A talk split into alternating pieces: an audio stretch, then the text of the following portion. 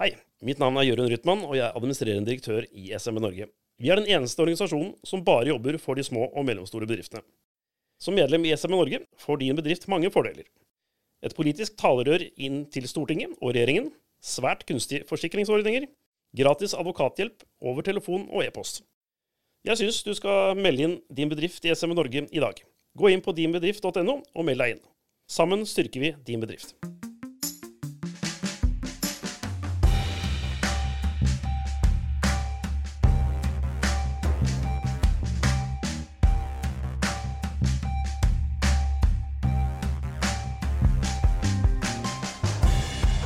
Hei og velkommen til en ny episode av SMB Norge-podkasten. Og som vanlig sitter jeg, Klaus Jacobsen, her. Og Kristian Eilertsen. Kristian Eilertsen. Vi sitter på tampen av en flott dag. Vi sitter inne mens det er sol ute. Alltid dårlig tegn. Men sånn er det. En annen ting som er litt dårlig tegn, Kristian, og det her er noe som for meg betyr litt personlig. Jeg som ung skitunge ble jo ganske politisk eh, aktiv. Ikke du det ennå? Nei, det er, det er rett etter krigstiden. Ja, ikke sant? Nei, men det er det med urettferdighet. Det har Ja. alltid provosert meg noe enormt. Mm. Det handler sikkert litt med min finske bakgrunn. og Du kan tenke deg i østlandsbygda du blir mobba og erta og litt sånne ting, da. Mm.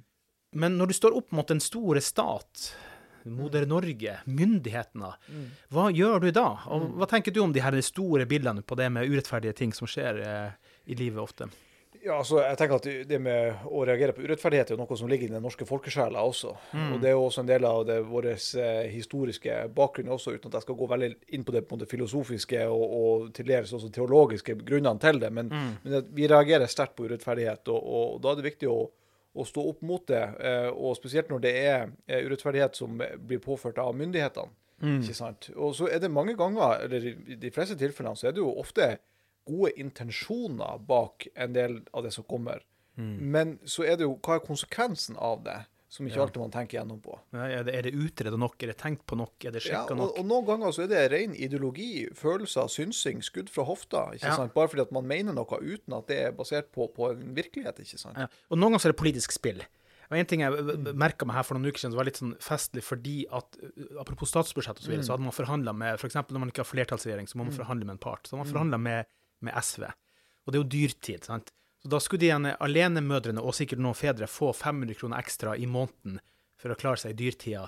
Problemet var bare det at det medførte at man mista 1000 kroner i støtte hos Nav igjen, så man gikk i minus. Ja. Så innimellom så kan det gå for fort unna. Og jeg mistenker at det vi skal snakke om i dag, har det gått litt for fort i svingene. Noen som hadde litt makt, som har påvirka noe som kanskje ikke man tenkte Ja, godt nok på alt. Absolutt. Eh, for det som vi skal diskutere i dag, Klaus, det er jo nemlig at SMB Norge har sendt inn en klage til EFTAs kontrollorgan ESA.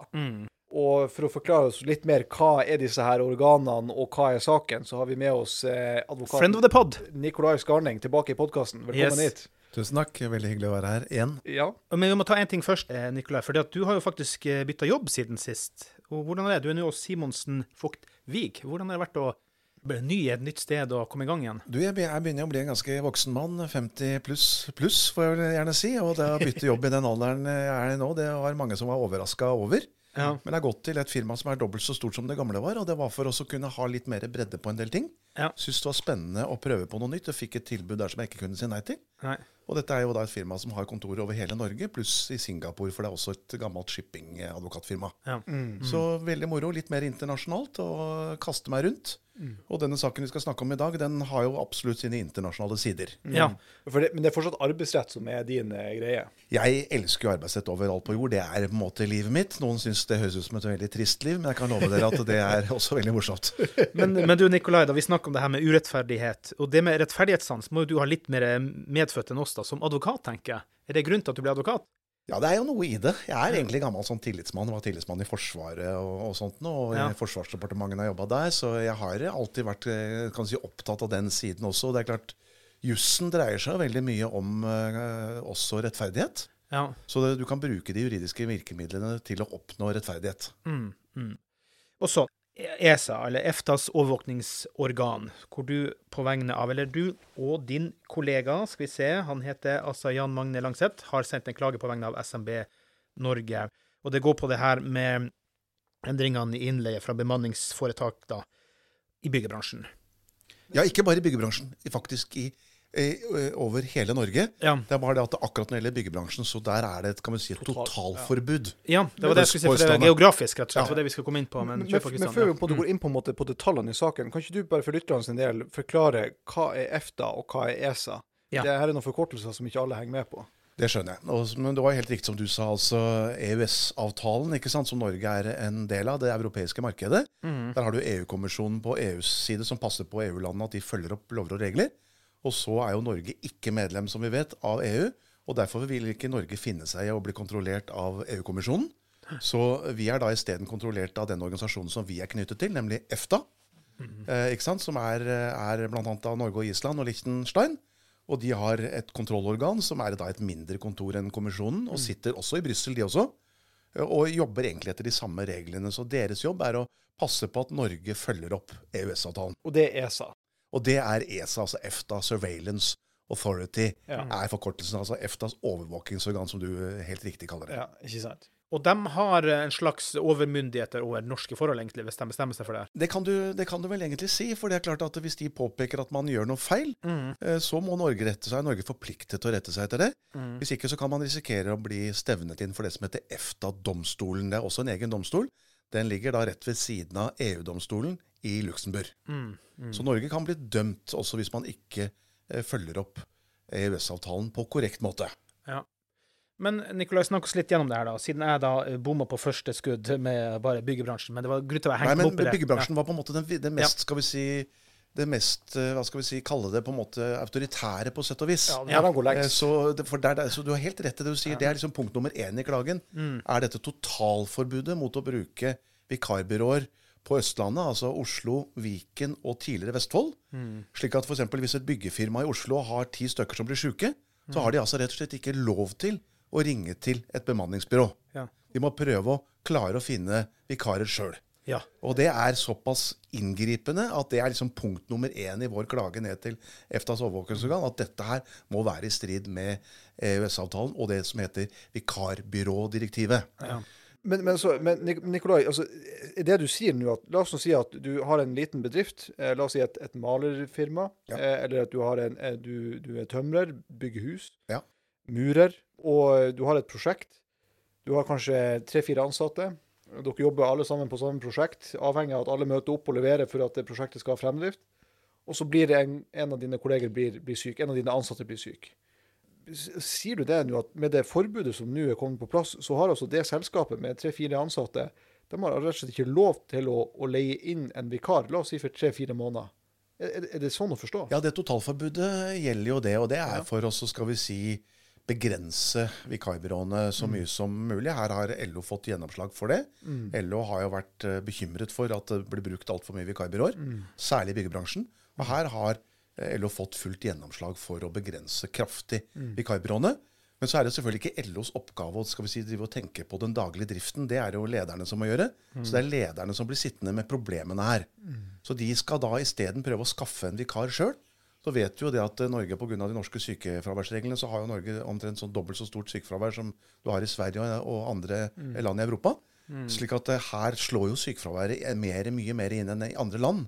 Slik at her er man også egentlig mer avhengig av å kunne skaffe sykevikarer.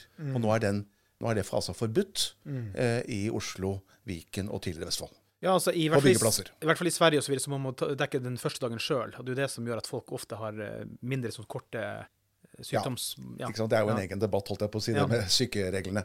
Så, så det er veldig spesielt. Men så, så du kan si, så det er helt riktig, Klaus, at det er altså punkt nummer én i klagen, er det derre totalforbudet Ja. på byggeplasser i byggearbeid i Oslo, som også nå skaper veldig store vanskeligheter.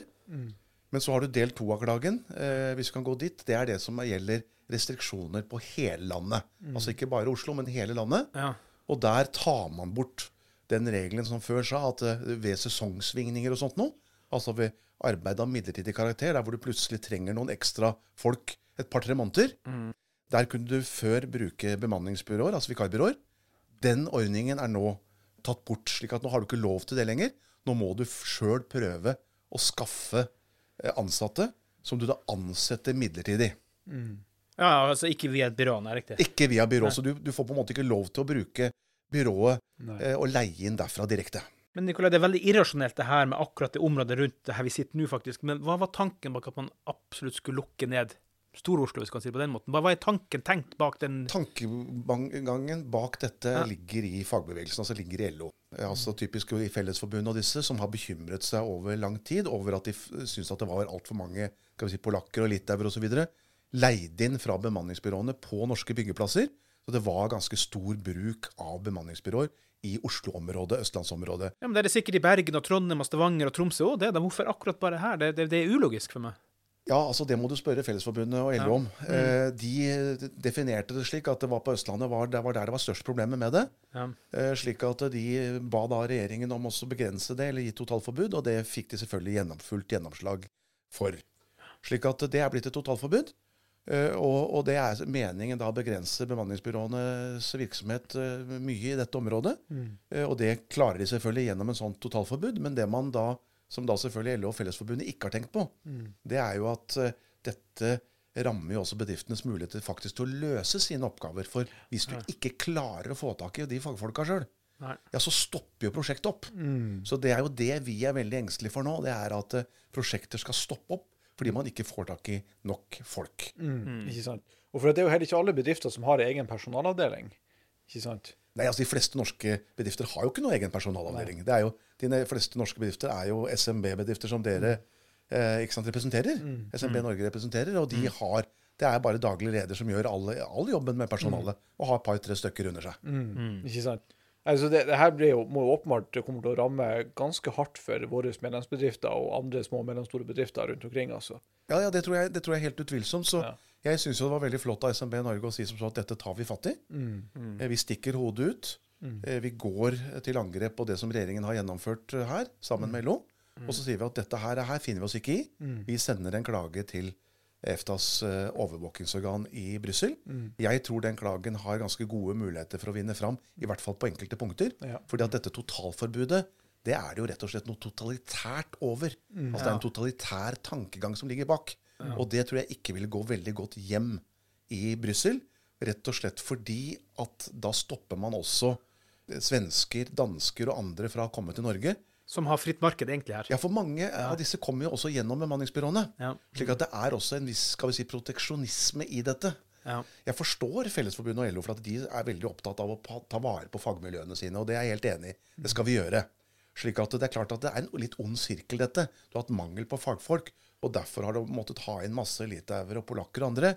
Eh, Og så er man da selvfølgelig både i Fellesforbundet, LO, IT og LO engstelig for at skal vi si, dette skal smuldre opp, og at man ikke får nok flinke eh, fagfolk fast ansatt i bedriftene. Så man kan ha forståelse for det. Så det har jeg også. Men jeg, her er det ubalanse. Her har man tatt for mye Møllers tran. Og så har man vært til syvende og sist for totalitær. Og dessverre så har de bare feid dette gjennom regjering og i stortingsflertallet uten egentlig at noen har brydd seg om motargumentene fra SMB Norge, eh, fra de andre arbeidsgiverorganisasjonene, fra næringslivet. Man har sett de bort fra alt. Man har bare gjennomført de valgløftene mm. som man hadde lovet LO. Men det som du er inne på her, Nikolai, syns jeg er litt interessant. Dette her med den ubalansen som du, som du nevner. Og, og jeg tror nok ikke det er bare innenfor på en måte, bygg- og anleggsbransjen at den ubalansen har vært over tid, der du ser at det er manko på fagfolk. Bedrifter og andre arbeidsgivere som har prosjekter, de, de får ikke tak i nok folk. Og derfor har tydd til bemanningsbyrå for å få fylt opp liksom, arbeidsstokken sin. Men vi ser også at dette her er et problem som også er innenfor en stor, del av offentlig sektor, f.eks. helse- og omsorgssektoren. Der er jo det offentlige sjøl en storforbruker av nettopp bemanningsbyråer for å få gjennomført feriekabalene sine, eh, helligdagsavvikling osv. osv. Bruk de bemanningsbyråer all masse for å få løst det Men. Kristian, der er fordelen med å ha makta å lage reglene. For da kan du nemlig lage unntak for deg sjøl. Ja. Og det har staten gjort her, selvfølgelig. De har lagt unntak for seg sjøl. Ja. De trenger helsearbeidere. Ja. Hvis ikke så, så går det gærent, ikke sant? Slik at de har selvfølgelig sørget for at helsearbeidere er unntatt. Slik at det offentlige kan bruke vikarbyråer så mye de vil. Ja, ikke sant? Det, det, er jo helt, det er jo helt sprøtt. Det er det er spinnvilt. altså. Ett sett med regler for privat næringsliv, og et annet sett med regler for offentlig virksomhet. Ja, det, det er jo helt absurd. Det er helt absurd. Altså, vi var her for en god stund siden, Nikolai, så var vi her, så snakka vi om det i, i en podkast her, da. Og da snakka vi om det at vi var litt redd for det at LO kommer til å være for tett frempå i førersetet her på Altså at regjeringen egentlig bare lot dem styre frem disse direktivene som de vil ha endra. Og som du sier, blitt litt for mye Møllers eh, tran her, muligens. Og kanskje har gått såpass fort i svingene at de faktisk talt kan ende opp med å tape litt på det. For de, som du sier, har gått litt for autoritært fremover, litt for langt. Så det gir åpninger for å vinne saken, da, gjør det ikke det? Jo, og det er derfor jeg sier at dette totalforbudet det er såpass autoritært at eh, jeg tror man vil stusse veldig over det nede i, i Brussel. Og så vil man vil se det at her stenger man også folk fra andre land fra å komme til Norge og hjelpe til med byggeprosjekter osv. i Norge. Vi trenger den hjelpa, det er nå én ting. Eh, og en annen ting er at man ser at dette stenger også for at dyktige fagfolk kan komme til Norge og hjelpe til i, på byggeplassen i Norge. Eh, og det er altså da en, åpenbart en EØS-vinkling på det. Det er i strid med det frie markedet. Ja. Eh, Slik at eh, her tror jeg nok man skal se at det kan være gode muligheter for å vinne fram Ja. på, på dette. Og så er det én ting Og Kristian, nå må du gjerne være med og trampe i klaveret her, for kanskje, kanskje Nikolai skal være litt forsiktig i dag. Men altså, det er altså krav om unntak fra reglene gjelder kun for bedrifter tilknyttet fagforeninger med medlemmer over 10 000. Spesialsydd for LO. Er ikke det her nærmest offentlig korrupsjon? Jeg vet ikke om jeg skal gå så langt som å bruke de ordene. Ja, men ja, Du kan kanskje pushe på, kanskje Ja. Nikolai skal være litt forsiktig, men, men, men, men, klart at det, uh, det lukter jo ikke bra. Nei, nei, det, det gjør jo ikke det. det gjør jo ikke det. Og det er jo mange som har vært kritisk til på en måte, de, de nære forbindelsene mellom Arbeiderpartiet og, og, og LO. Og det man ser historisk og, og over tid, da, det er jo det at eh, så snart Arbeiderpartiet har innflytelse i Arbeids- og sosialdepartementet, så går det kort tid før LO får ganske betydelige politiske gjennomslag, som også da ikke nødvendigvis er positivt for privat næringsliv. Nei, men vi er, igjen, jeg, skal, jeg kan våge å trampe litt i klaveret, fordi at i sitat fra eh, klagen Altså forarbeidene fra da- nå- Hermetegn, altså for det her er sitat. Ønsket virkning er å bidra til økt utbredelse av fagorganisering og tariffavtaler.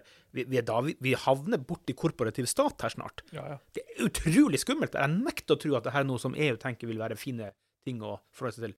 Du er jo inne på det med organisasjonsfriheten, ikke sant, som Mm. vi har tatt opp i denne klagen. Altså det at eh, en arbeidstaker skal få lov til enten å ikke være medlem noe sted, og så ikke minst en annen ting. Hvis vedkommende ønsker å melde seg inn et sted, så skal vedkommende få lov til å melde seg inn i den fagforeningen som han eller hun ønsker. Ja. Det man har gjort i dette forslaget her, er riktig som du er inne på. Her er det altså bare de store fagforeningene, altså les LO-forbundene særlig. Så må du ha tariffavtale med da en stor fagforening, da, og det er særlig LO-foreningene som eh, for forbundene, for å kunne leie inn. Så man har sagt som så at det er da eh, forbudt å leie inn ved midlertidig behov, unntatt hvis du har tariffavtale med en stor fagforening, les LO-forbund.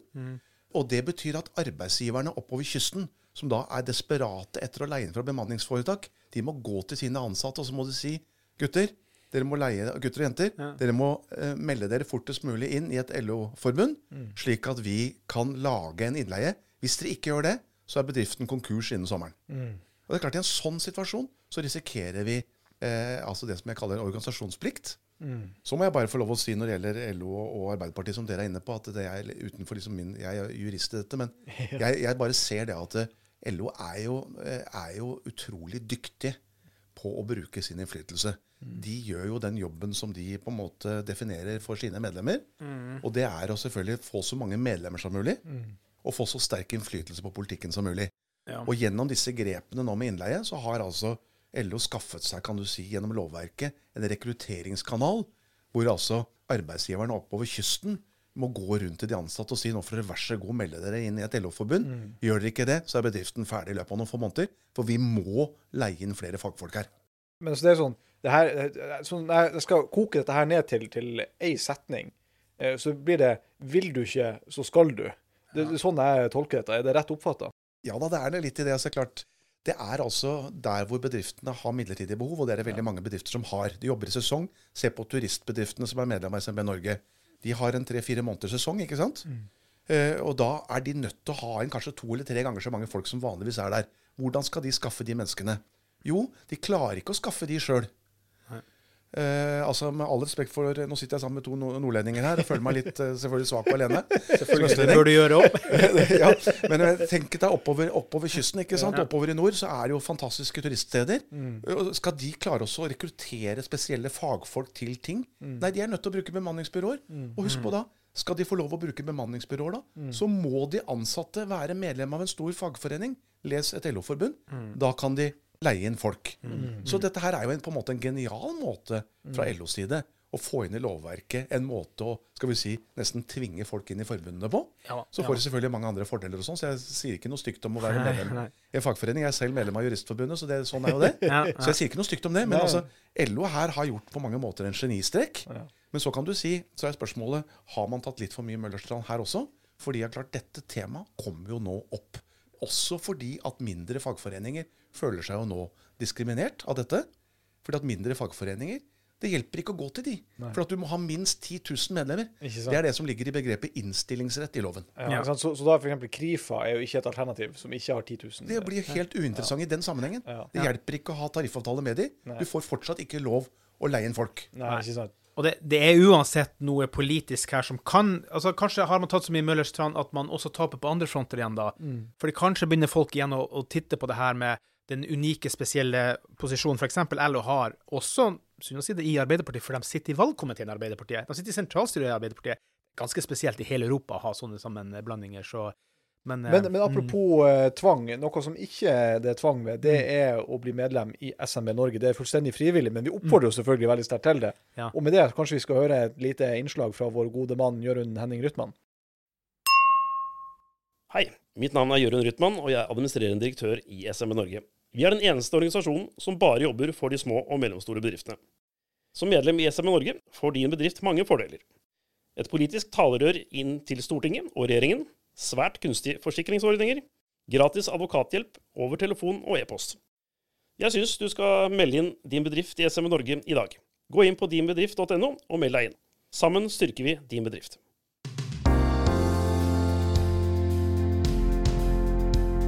Ja, gode Kristian, vi håper veldig veldig mange gjør som eh, Jørund Rytman eh, sier der. Gå inn på dinbedrift.no, finn medlemsfordeler. Finn podkasten, by the way. Meld deg inn i SMB Norge, ikke minst. Mm, mm. Eh, Og ikke minst komme med tilbakemelding på denne podkasten. Og Ja. hvordan gjør man det, Klaus? Ja, man kan jo f.eks. ta kontakt med oss helt privat og personlig. Vi anbefaler ikke det.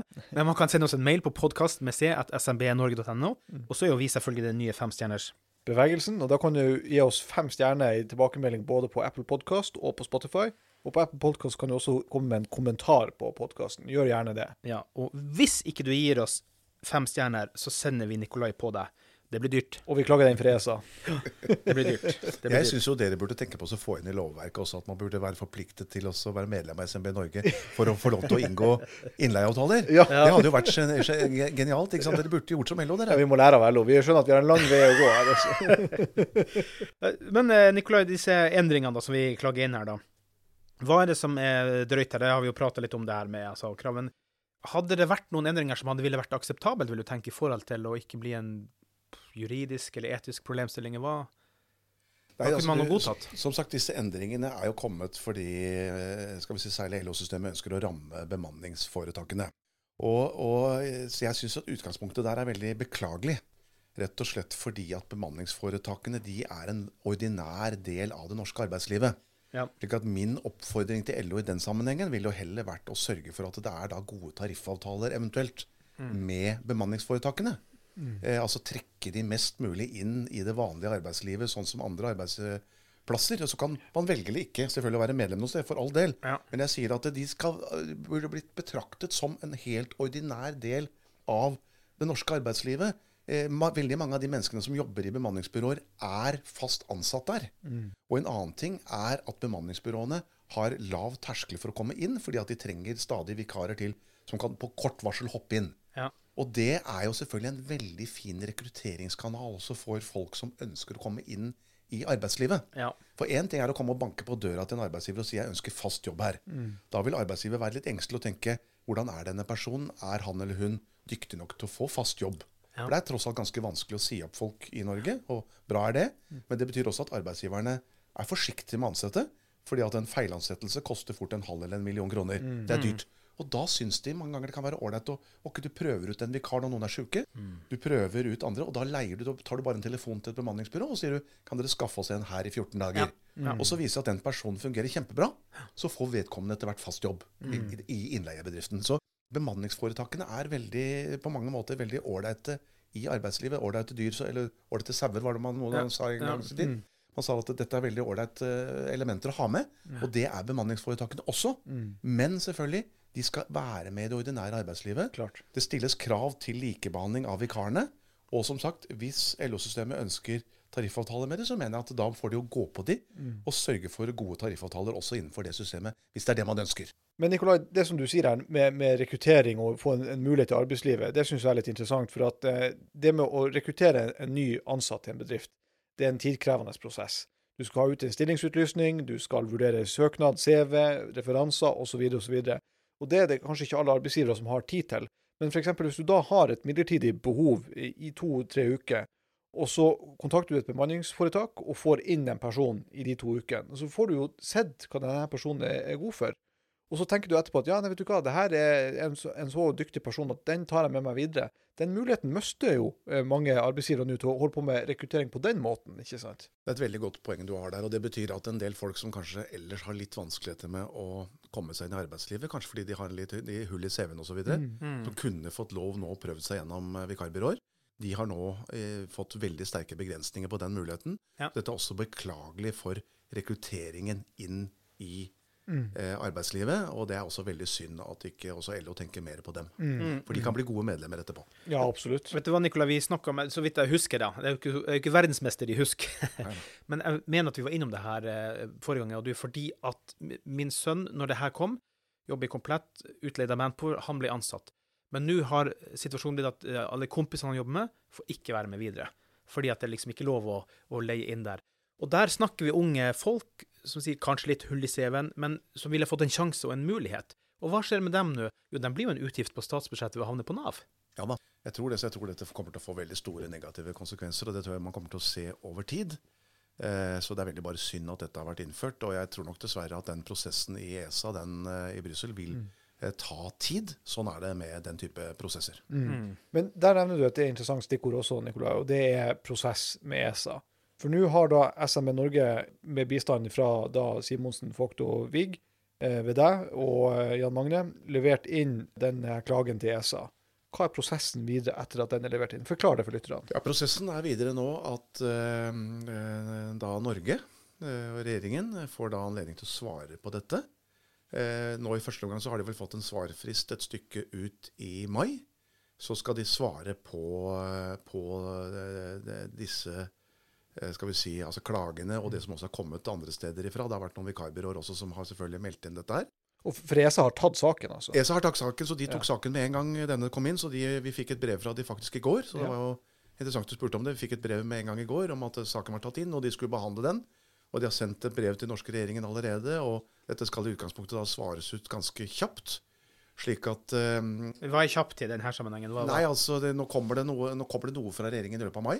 Mm. Ja, Og så får vi se hvor raskt dette her går. Altså, det det er må vi jo- si er kjapt i denne sammenhengen. Ja, det er veldig kjapt, men så Ja. er det klart det tar lang tid før du får en beslutning antagelig i ESA. Men selvfølgelig så er det jo slik, for, sånn som det er på fjellet, er det også for den norske regjeringen. Det er ikke for sent å snu, det er lov å snu. Slik at de kan jo på en måte ta en ny vurdering. Dette her er bare, Forbudet er bare i forskrift, så dette kan gjøre, endres kjapt. Og Det vil jo være min eh, oppfordring egentlig både til LO og til regjeringen. At eh, her må man innse at man har gått for langt. Og så kan man sette seg ned sammen med SMB Norge bl.a. Mm. og så finne en ordning som alle parter kan leve mye bedre med enn dette, dette totalitære regimet som Ja. er innført nå. Ja, også speaking of uh, Møllers tran. Altså, jeg leste også i, i, i klagen at 34% reduksjon i innleie i byggebransjen fra 2018 til 2021.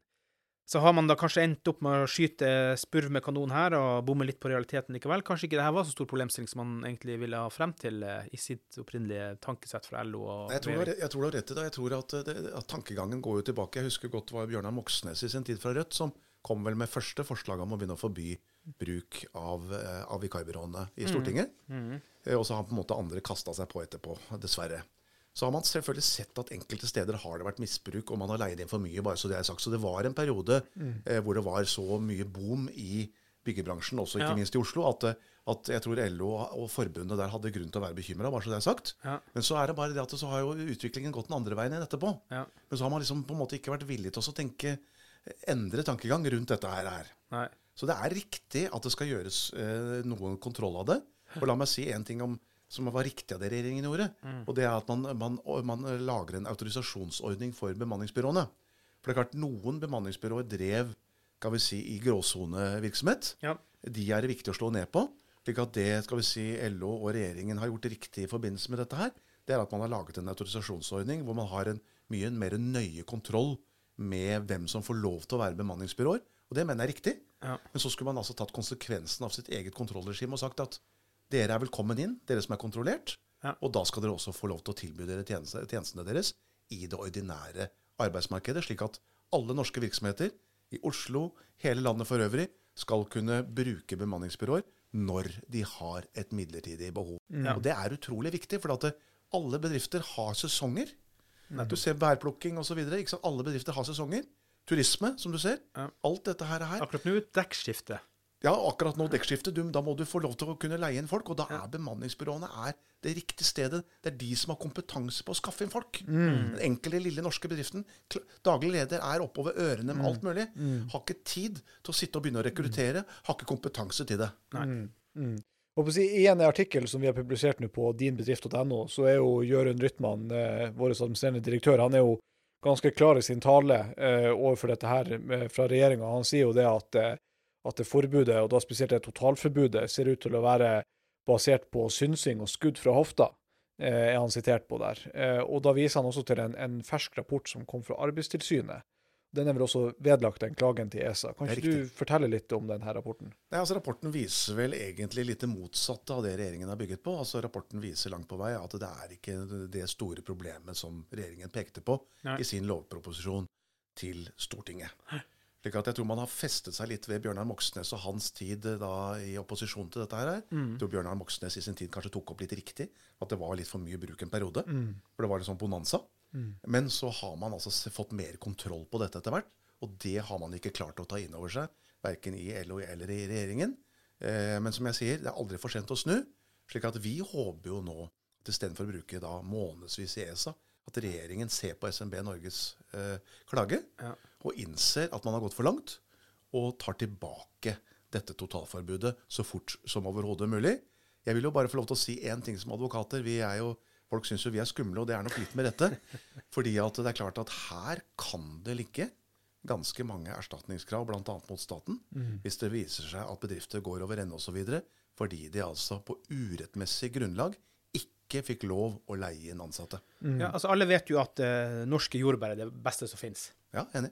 Kan, kan vi risikere mangel på jordbær nå? Ja, men du, har, du, du peker jo på noe. ikke sant? Altså, Du har sesonger hvor du trenger folk intensivt. Dere peker på dekkskift. ikke sant? Det minner meg om at jeg må få bestilt dekkskift, jeg òg. Ja, de må ikke gjøre det sjøl. Ja. Går så veldig hardt utover ryggen, ikke sant? Ja, ja, ja, ja. Så, så du kan si eh, bedrifter trenger dette. eh, Og, og, og derfor så bør det regelverket endres eh, så fort som mulig. Men Man rekker jo ikke det innen jordbærsesongen nå, tenker jeg. Nei, det kan du si. Altså, Det er som sagt aldri for sent å snu. Men det er også virksomheter nå som jeg tror kanskje tenker på eventuelt å gå til erstatningssak osv. Fordi man Og det er nå engang slik at hvis man har brutt EØS-avtalen, Ja. ja. så er man også etterpå forpliktet eventuelt å betale erstatning Mm. for det til de som taper penger på det. Men selve selskapet har gått konkurser i, i mellomtida. Vil Ja. de fortsatt kunne rette et uh... Ja, Kreditorene vil jo da kunne komme etter og si det at dette skyldes uh, ulovlige eh, regler i denne perioden. Så dette her er et område nå som er det er grunn til å bekymre seg for mange her. Eh, at man har rett og slett gått for langt i dette forbudet i Oslo, Ja. Viken og tidligere Vestfold. Vi har, par, vi har et par punkter til som også er innunder her. da, og, og en ting som det her krasjer med, sånn som jeg tolker klagen, det er jo vikarbyrådirektivet. Og det er vel noe som på en måte, om det er EØS eller EU eller et eller annet, det må jo krasje helt med deres eh, opprinnelige avtaler der. Det krasjer helt med vikarbyrådirektivet, dette her. Og det er fordi, og det vikarbyrådirektivet er fra 2008.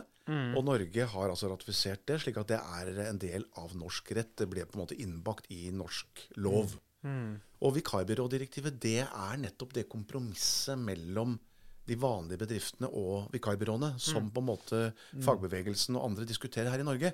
At Poenget med vikarbyrådirektivet var at man sa følgende. Man sa vi godkjenner vikarbyråene som ordinære, solide virksomheter i samfunnet. Samtidig så er vi veldig opptatt av at vikarene skal behandles likt som de stedene hvor de leies inn. Vikarene skal ikke være noen annenrangs arbeidstakere på arbeidsplassen. Så når de kommer inn på en arbeidsplass fra et vikarbyrå, skal de behandles like godt, like bra som arbeidstakerne som er der. Og det skal heller ikke være slik at en innleiebedrift får liksom en oppfordring til å bruke et vikarbyrå fordi det skal være billigere enn å bruke dine egne folk. Tvert imot. Vikarbyrådirektivet bygger på at det skal koste like mye, kanskje ofte mer, å bruke et bemanningsbyrå. Fordi husk på, bemanningsbyrået skal ha betalt for å skaffe de folka. Så det er dyrere, og det skal være dyrere, å bruke bemanningsbyrå.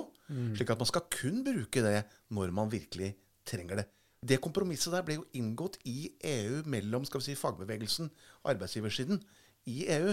Og så har Norge sett på det og sagt etterpå dette tar vi inn. Det var riktignok en del diskusjon. Og det har man ikke nå, det har ikke regjeringen nå tatt konsekvensen av. Altså nå, nå later man liksom som vikarbyrådirektivet på en måte ikke fins. Mm.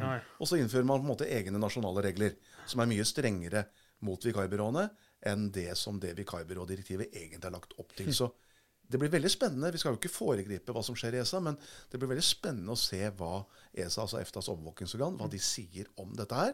Denne saken kan også ende i EFTA-domstolen hvis på en måte ESA og den norske regjeringen er uenige om dette. Så blir det en sak for EFTA-domstolen.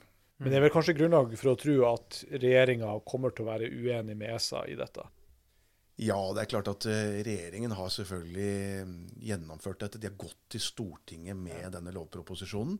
De har fått med seg riktignok på sterk opposisjon i Stortinget på dette her, men de har fått med seg sitt skal vi si, rød-grønne flertall på dette her. Så det er klart at for dem så er det har det gått selvfølgelig prestisje i dette her. Vi kan ikke regne med at de plutselig nå snur. Nei, Det gir seg ikke uten kamp. Nei. Nei, men, men på den annen side kan du si det at hvis det blir store problemer på med byggeprosjekter i Norge framover, så er det jo spørsmål om hva da regjeringen gjør. For som sagt, dette er bare fastlagt i forskrift. Ja. Kunne for så vidt vært et totalforbud i lov. Så jeg tolker jo liksom den sitsen der, at man bruker forskrift, som er mye lettere å endre. Ja. At det er fordi man har en liten sånn nødknapp Ja. hvor man kan trykke på og si at det, ja, det, det er Jeg vil noe- ut. vi, vi, må, vi må dessverre, regjeringen har funnet ut at vi må gjøre noen justeringer her. Og så, og så kan man gjøre noe sånt. Ja. Men eh, apropos proposisjonen i Stortinget. så Regjeringa påsto da, og skrev jo da at det er grunn til å tro at flere virksomheter leier inn arbeidstakere i større omfang enn det loven gir grunnlag for. Er de? Vi, vi, hvorfor har vi Arbeidstilsynet, Ja. kjære Kristian? Vi har noe som heter Arbeidstilsynet. Ja. Vi har noe godkjenningsordning. Ja, ja. Det skal godkjennes, vikarbyråene. Da er det bare å ta bort godkjenningsordningen på det, da. Ja, Ikke men, sant? sant? men dette, dette skriver regjeringa, men, men har vi noe, noe statistikk eller noe fakta som underbygger Nei, eller? egentlig ikke. Den siste Arbeidstilsynsrapporten viser jo egentlig at dette her er ikke noe stort problem. Og hvis det er et problem enkelte steder, så skal man selvfølgelig slå ned på det. Ja. Vi er ikke for ulovligheter i det hele tatt. Det er derfor vi har Arbeidstilsynet. Vi har eh, også dyktige fagforeninger. De er så dyktige at de, sant, de får gjennomført sine forslag i lovs form. Ja. Eh, Slik at de er også dyktige til å passe på at ikke det skjer brudd på disse reglene. Og man har fått det som heter kollektiv søksmålsrett. Altså fagforeningen kan sjøl gå til sak mot arbeidsgivere som bryter reglene, og få de dømt for brudd på innleiebestemmelsene. Slik at hele fagbevegelsen i Norge er nå blitt utnevnt til å bli en del av politikorpset. Eh, gjennom den der kollektive søksmålsadgangen. Ja. Slik at det, er, her er det full kontroll. Det er ikke noe grunn til å bekymre seg over dette i det hele tatt. Siste brudd som jeg har notert her, da, og det er jo da EMK artikkel 11. Det er vel den europeiske menneskerettighetskonvensjonen. Arrester meg hvis jeg sier feil. Stemmer det? Ja. Organisasjonsfrihet. Ja. Det her må jo være kjempebrudd på organisasjonsfriheten. Ja, vi mener jo det er det. menneskerett. Vi, vi, vi mener jo det er det, og derfor har vi tatt det med i klagen. Vi var jo litt usikre på om det hadde, hadde å gjøre i en klage til ESA, som, altså ESA som driver med EØS-avtalen. Dette er jo den menneskerettighetskonvensjonen som du sier, som er på en måte gjelder for hele Europa. Ja. Mm. Det gjaldt jo også faktisk for Russland fram til de ble pælma ut av Europarådet pga. krigen. Så det, vi har jo mange dommer mot Russland naturlig nok i, i Menneskerettighetsdomstolen. Menneskerettighetsdomstolen. Organisasjonsfriheten den sier altså rett og slett at du har rett til å, å være medlem i den foreningen du ønsker. Men du har også rett til å la være å være medlem. Ja. Det som kalles negativ organisasjonsfrihet. Altså ikke være medlem noe sted. Det er jo mange nordmenn som ikke sant, vil være frie og uavhengige, og ønsker ikke å være noe spesielt medlem noe sted. Og det må man også respektere. Det sier menneskerettighetene, og det har du, det har du rett på. Og derfor så sier vi at menneskerettighetene er sånn sett en del av EØS-avtalen.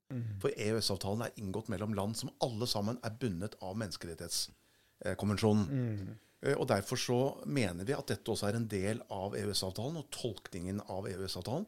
Og det at regjeringen nå har innført den regelen at hvis du skal leie inn, så må dine ansatte være medlem av en stor fagforening Altså fortrinnsvis da LO, LO-forbund. Men du kan også gå YS, eh, NITO, Tekna osv. Akademikerne, som jeg er med i. For all del. Men altså, her er jo det særlig selvfølgelig LO-forbund som er aktuelle. Eh, og da eh, får du det presset på at folk må melde seg inn for å redde bedriften. For du må kanskje, for å redde bedriften må du kanskje leie en arbeidskraft. Ja. Og da Og har da du ikke frihet. Du mister jo din frihet. Og da mister folk den friheten. Da må de inn i et stort forbund. Mm. og det mener vi er i strid med organisasjonsfriheten. Og det skal eh, SMB Norge ha stor honnør for, at eh, dere tenker såpass prinsipielt.